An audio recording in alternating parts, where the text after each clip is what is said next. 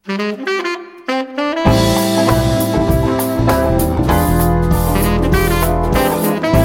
თვალი დაკავებული გაქვთ და საკითხავად არ გცალიათ, ან თუ ჩემსავით სათვალეს ვერ პოულობთ, ან და თუ უბრალოდ მოგენატრათ თვალების დახუჭვა და სხვების მიერ მოთხრობილი საინტერესო ამბებისთვის ყურის მიგდება, მაშინ ეს პოდკასტი თქვენთვისაა.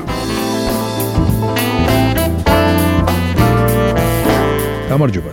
თქვენ უსმენთ რადიო თავისუფლების პოდკასტს მოლაპარაკე ტექსტებს. მოლაპარაკე ტექსტებს. მე ბიძინა რამიშვილი გახლავართ. აქ მოქმედი პირები არიან ტექსტები, რომლებსაც რადიო თავისუფლების ვებსაიტზე ვარჩევ თქვენთვის კვირაში ერთხელ და მათ მოსათხრობ ამბებად ვაქცევ ხოლმე.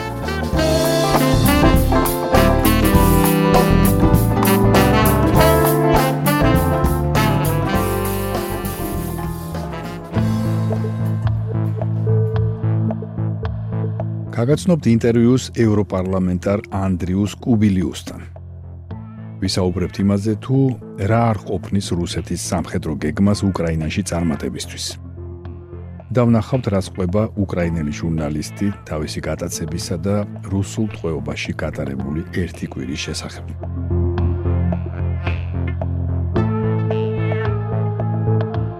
დავაზობთ ეკა ქევანიშვილის სტატიას ანდრიუს კუბილიუსი უკრაინის ხმა საქართველოსთვის დიდ გავლენას იქონიებს. ევროპარლამენტარი ანდრიუს კუბილიუსი აცხადებს, რომ გამორიცხული არ არის დადგეს ბიძინა ივანიშვილისთვის საერთაშორისო სანქციების დაწესების საკითხი, თუმცა კი ამაზე კონკრეტული მსჯელობა ჯერ არ დაწყებულა. მისი შეფასებით მომავალ დებატებზე, სადაც უკრაინის, მოლდოვისა და საქართველოს ევროკავშირში წევრობის კანდიდატობის სტატუსი უნდა განიხილონ, გადამწყვეტი მნიშვნელობა ექნება არამხოლოდ იმას, თუ როგორ დაარწმუნებს საქართველოს ევროკავშირის ქვეყნებს, რომ მან ეს სტატუსი დაიმსახურა, არამედ უკრაინის პოზიცია საქართველოს მიმართ. კუბილიუსი მიიჩნევს, რომ საქართველოს მკაცრ კითხვებზე მოუწევს პასუხის გაცემა. ევროპარლამენტს რადიო თავისუფლებამ ამაზე რამდენიმე კითხვით მიმართა. რადიო თავისუფლება ორი დღის წინ ქართული ოცნების დამფუძნებლის ბიძინა ივანიშვილისთვის საერთაშორისო სანქციების დაწესების საკითხს ღიად შეეხო პოლონელი ევროპარლამენტარი ანა ფოტიგა. თქვენ რას ფიქრობთ ივანიშვილისთვის საერთაშორისო სანქციების შესაძლო დაწესებაზე? განიხილება ეს საკითხი რაიმე ფორმით?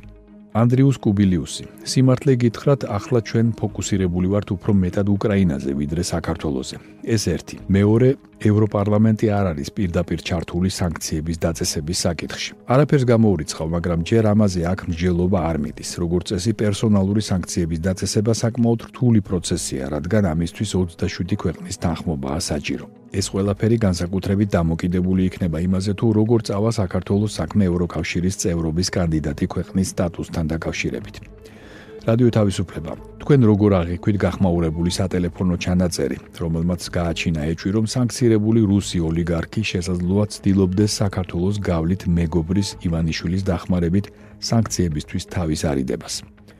ანდრიუს კუბილიუსი ეს ამბავი მეც მედიიდან ვიცი. ძალიან არ ჩავღრმავები ვარ საკითხს, მაგრამ თუ ივანიშვილი და ევტუშენკოვი მართლაც ლაპარაკობდნენ იმაზე, როგორ შეიძლება საქართველოს გავლით აუაროს მან გვერდი ევროკავშირის მიერ დაწესებულ სანქციებს, მაშინ ეს ძალიან ცუდად ჟღერს. ისევ და ისევ იმ ფონზე, როცა ივნიში ველით რომ კომისია განიხილავს უკრაინის, საქართველოსა და მოლდოვისთვის ევროკავშირის კანდიდატი ქვეყნის სტატუსის მინიჭების საკითხს. რადიო თავისუფლება. რადგან ამ საკითხს შეეხეთ, აქვე გკითხავთ, რამდენად აქვს საქართველოს დღეს რეალური შანსი მიიღოს კანდიდატი ქვეყნის სტატუსი. ანდრიუს კუბილიუსი ჩვენ არ გვინდა მივცეთ ევროკავშირის წევრობის კანდიდატის სტატუსი ქვეყანას თუ მოლაპარაკებების პროცესში არ ვირწმუნებთ რომ ის შეძლებს სიტუაციის გამოსწორებას თუნდაც ძირითადი ღირებულებების მხრივ. საქართველოს ევროკავშირი ამაში უნდა დაარწმუნოს. ამ ვითარებაში კი არც რუს ოლიგარქებთან კავშირები და არც სააგაშვილის საკითხი არ დაეხმარება საქართველოს უკეთესად იყოს აღქმული ევროპარლამენტის მიერ რადიო თავისუფლება რას ფიქრობთ საქართველოს ხელისუფლების პოზიციაზე სააგაშვილთან დაკავშირებით ანდრიუს კუბილიუსი. სააკაშვილის ავადმყოფობა ერთი საკითხია, მაგრამ მეორე და არანაკლებ მნიშვნელოვანი საკითხი არის ის თუ რამდენად არის საქართველოსი სასამართლო სისტემა თავისუფალი პოლიტიკური ჩარევის ან გავლენებისგან. ძალიან ბევრი ეჭვი არსებობს იმის თაობაზე თუ რატომ ზის დღეს სააკაშვილი ციხეში. რადიო თავისუფლება. ბოლოს მინდა გითხოთ, როგორ აღიქმება თქვენგან საქართველოს ხელისუფლების პოზიცია უკრაინასთან მიმართებით, რის გამოც ის არაერთხელ გააგრიტიკეს. ანდრიუს კუბილიუსი. ნათელია რომ წევრობაზე საქართველოს მთავრობამ ეს განაცხადი გააკეთა იმის გამო, რასაც დღეს უკრაინა აკეთებს, ის იბრძვის რუსეთის შეჭრის წინააღმდეგ. მაგრამ სამწუხაროდ საქართველოს მთავრობის სტრატეგია და ტაქტიკა არ არის სრულად უკრაინის მხარეს. ამ ომში მათი პოზიცია როგორც პოლიტიკურად, ისე ტაქტიკურად არის შეცდომა. ასე რომ დებატების დროს ყველა ეს ფაქტორი იქნება მნიშვნელოვანი. ეს გახდათ ეკა ქევანიშვილის ინტერვიუ ევროპარლამენტარ ანდრიუს კუბილიუსთან სტატიის სათაურია ანდრიუს კუბილიუსი უკრაინის ხმა საქართველოსთვის დიდ გავლენას იქონიებს.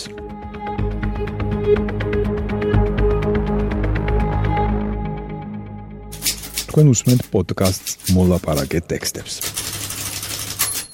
ახლა გთავაზობთ ალექსეი ალექსანდროვის სტატიას რა არ ყოფნის რუსულ სამხედრო გეგმას უკრაინაში წარმატებისთვის. სამხედრო ექსპერტის შეფასება.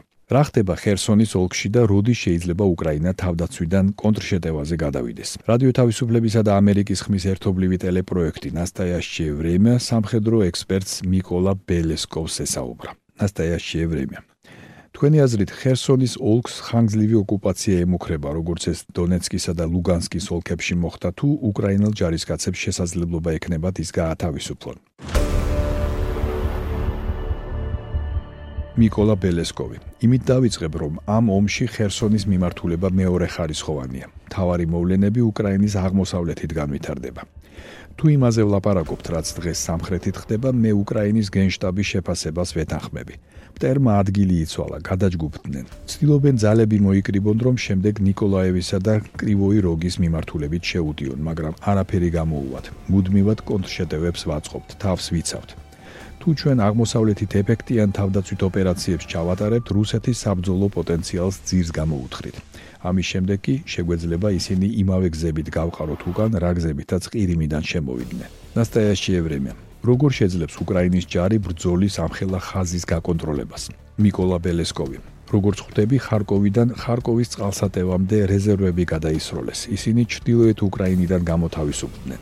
გარდა ამისა, ჩვენ უნიკალური გამოცდილება მივიღეთ სტატიკური თავდაცვითი ოპერაციების წარმოების კუთხით, ეგრეთ წოდებული აქტიური თავდაცვის კუთხით. ჩვენს артиლერიას მაქსიმალურად მტრის სიღრმისკენ მივმართავთ. მიუხედავად იმისა, რომ რუსეთის ჯარმა ტაქტიკა შეცვალა, ახლა ისინი უფრო ავიაციასა და артиლერიაზე ამყარებენ იმედს და არა ჯავშან ტექნიკაზე, უფრო მეთოდურად ცდილობენ ჩვენი თავდაცვა გატეხონ ოპერატიული წარმატებისთვის არ მიუღწევიათ. ვერ შეძლებენ რომ ჩვენი ძალების თუნდაც ნაწილს ალყა შემოარტყან. ეს ყველაზე კარგი მტკიცებულებაა იმისა თუ რამდენად ეფექტიანია ჩვენი თავდაცვა. ნასტაიაში ევრემია. შესაძლებელია რომ ეს აქტიური თავდაცვა კონტრშეტევად იქცეს. მიკოლა ბელესკოვი ეფექტიანი კონტრდარტყმისთვის ჯერ საფუძველი არის მოსამზადებელი. იმისთვის რომ მოწინააღმდეგე ათეულობით კილომეტრით უკან გადაისროლო, საჭიროა მას ძალა გამოაცალო, შეტევაზე გადმოსვლის უნარი დაუკარგო. როდესაც დრო დადგება უკრაინის სამხედრო ხელმძღვანელობა მოემზადება. ოპერაციას დაგეგმავს და ჩვენ რუსეთის ჯარს სულ მცირე იმ ტერიტორიებიდან უკუაგდებთ რომლებიც მათ 2022 წლის 24 თებერვლიდან დაიკავეს. ჩვენი პარტნიორების რიტორიკა პოზიტიურისკენ იცვლება. ბრიტანელები და ამერიკელები ამბობენ სანამდეც გექნებათ ბრძოლის სურვილი იქამდე გამოყვებით საკითხი ასე დგას ქვეყნის ტერიტორიული მთლიანობის აღდგენა იმ ფარგლებში რა ფარგლებშიც ის 2014 წლამდე იყო ნასტაიაში ევრემია. როდი შეიძლება ეს კონტრშეტევა განხორციელდეს? ალექსეი არესტოვიჩი დარწმუნებულია ზაფხულში იქნებაო. მიკოლა ბელესკოვი. ალბათ, ხო, სადღაც გაზაფხულის მიწურულზე ან ზაფხულის დამდეგს. ამ დროისთვის რუსული ჯარი შეტევის ბრძოლის უნარს დაკარგავს. ჩვენ კი პირიქით ძალებს შევინარჩუნებთ. მარაქს შევივსებთ. ჯარისკაცებს გავწვნით და ყველანი მზად ვიქნებით იმისთვის, რომ სულ მცირე ის ტერიტორია მაინც დავიბრუნოთ, რომელიც 2022 წლის 24 თებერვლამდე გქონდა. ალექსეი ალექსანდროვის სტატია მოისმინეთ სათაურით რა არ ყოფნის რუსულ სამხედრო გეგმას უკრაინაში წარმატებისთვის. სამხედრო ექსპერტის შეფასება. თქვენ უსმენთ პოდკასტს მოლაპარაკე ტექსტებს. მოისმინეთ ოლექსანდრ იანკოვსკის სტატია აღმიწერეს როგორ მოკვდებოდი ტანჯვით უკრაინელი ჟურნალისტი თავისი გატაცების და რუსულ ტყვეობაში გატარებული ერთი კვირის შესახებ 2022 წლის 12 მარტი იყო. უკრაინელ ჟურნალისტ ოლეხ ბატურინს ნაცნობმა დაურეკა და შეხვედრა სთხოვა. როცა შეხვედრისთვის დათქმულ ადგილას მივიდა, მისი ნაცნობი იქ არ იყო, მაგრამ იყო მანქანა რუსი ჯარისკაცებით. მოუთხრო შემდეგ ბატურინმა რადიო თავისუფლების უკრაინულ რედაქციას.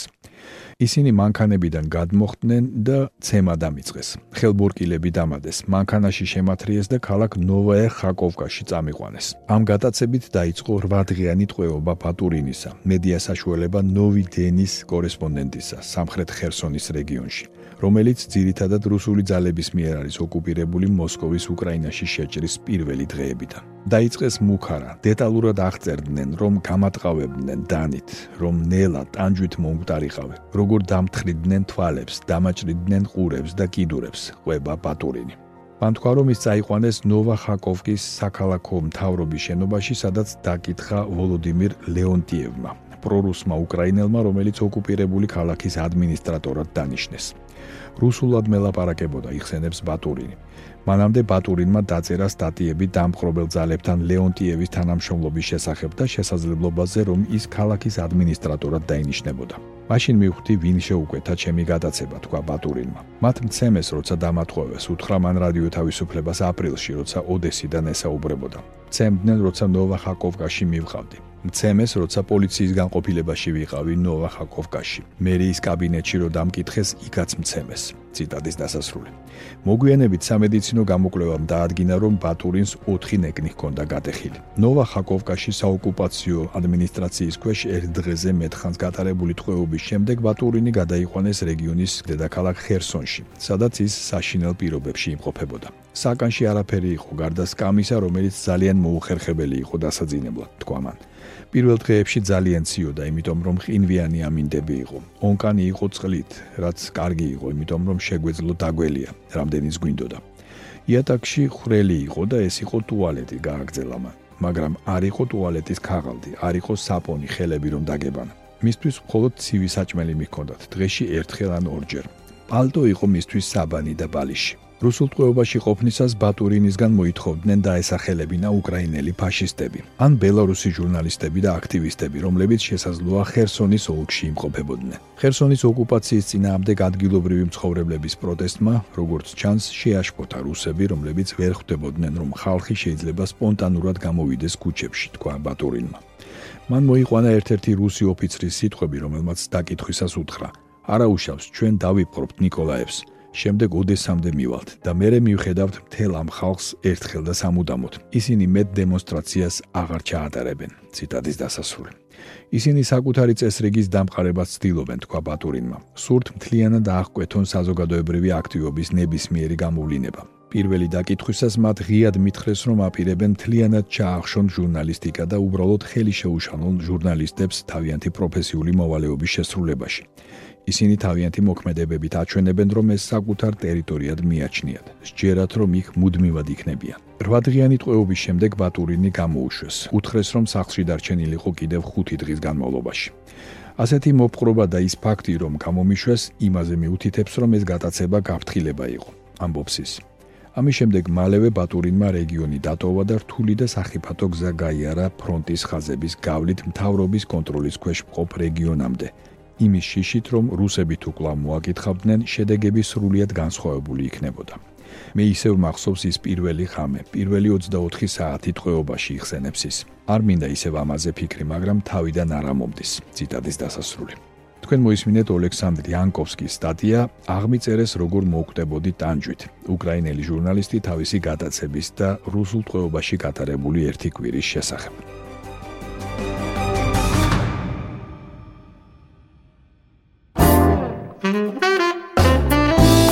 თქვენ მოისმინეთ რადიო თავისუფლების პოდკასტი მოლაპარაკეთ ტექსტები. მე კვირაში ერთხელ ვარჩევ რადიო თავისუფლების ვებსაიტზე გამოქვეყნებულ ტექსტებს და მათ მოსათხრობამდე ვაქცევ ხოლმე. ჩვენი პოდკასტი შეგიძლიათ გამოიწეროთ, ჩამოტვირთოთ ან მოისმინოთ პირდაპირ რადიო თავისუფლების ვებსაიტზე. მისი მისამართია თავისუფლება.ge. თუ ჩემი მიერ მოთხრობილი ტექსტები სრული სახით დაგაინტერესებთ, მათი მოძებნა იულია. ვებსაიტზე, პოდკასტის გვერდზე იპოვეთ ყოველ ცალკეულ პროგრამაში მოთხრობილი ტექსტების ბმულებს. მე ბიძინა რამიშვილი ვარ. მომავალ შეხვედრამდე.